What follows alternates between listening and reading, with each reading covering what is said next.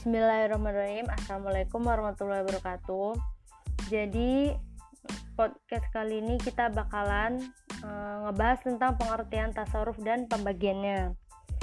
Nah kan di episode sebelumnya kita udah pernah ngebahas tentang pengertian tasawuf.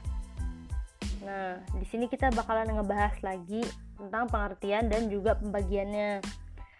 Pengertian tasawuf itu sendiri adalah segala sesuatu atau perbuatan yang bersumber dari kehendak seseorang dan cara menetapkan atasnya sejumlah akibat hukum atau hak kewajiban.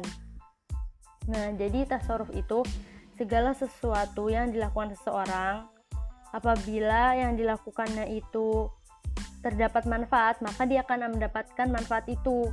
Dan juga sebaliknya, apabila seseorang melakukan sesuatu yang merugikannya, maka dia akan menanggung kerugiannya.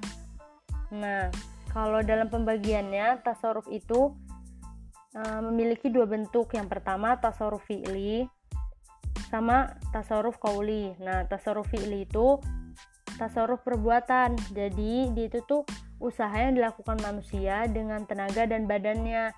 Kayak contohnya orang yang berlayar di lautan untuk mendapat ikan, orang yang e, bertani untuk mendapat nafkah gitu pokoknya segala sesuatu yang dia lakukan dengan tenaga dan badannya. Nah itu termasuk tasarruf fi'li. Nah kalau tasarruf kauli itu perkataan. Nah tasarruf kauli itu adalah usaha yang dilakukan manusia dengan melakukan li, me, menggunakan lidahnya sendiri. Nah kayak contohnya itu ada di kalau orang jual beli. Nah orang jual beli kan akadnya dia melakukannya melalui lidah. Nah itu termasuk dalam tasaruf kauli atau perkataan. Nah, segitu dulu podcast kali ini. E, kalau misalnya ada yang salah atau kurang bisa dikoreksi habis itu bisa diperbaiki ke depannya. Wassalamualaikum warahmatullahi wabarakatuh.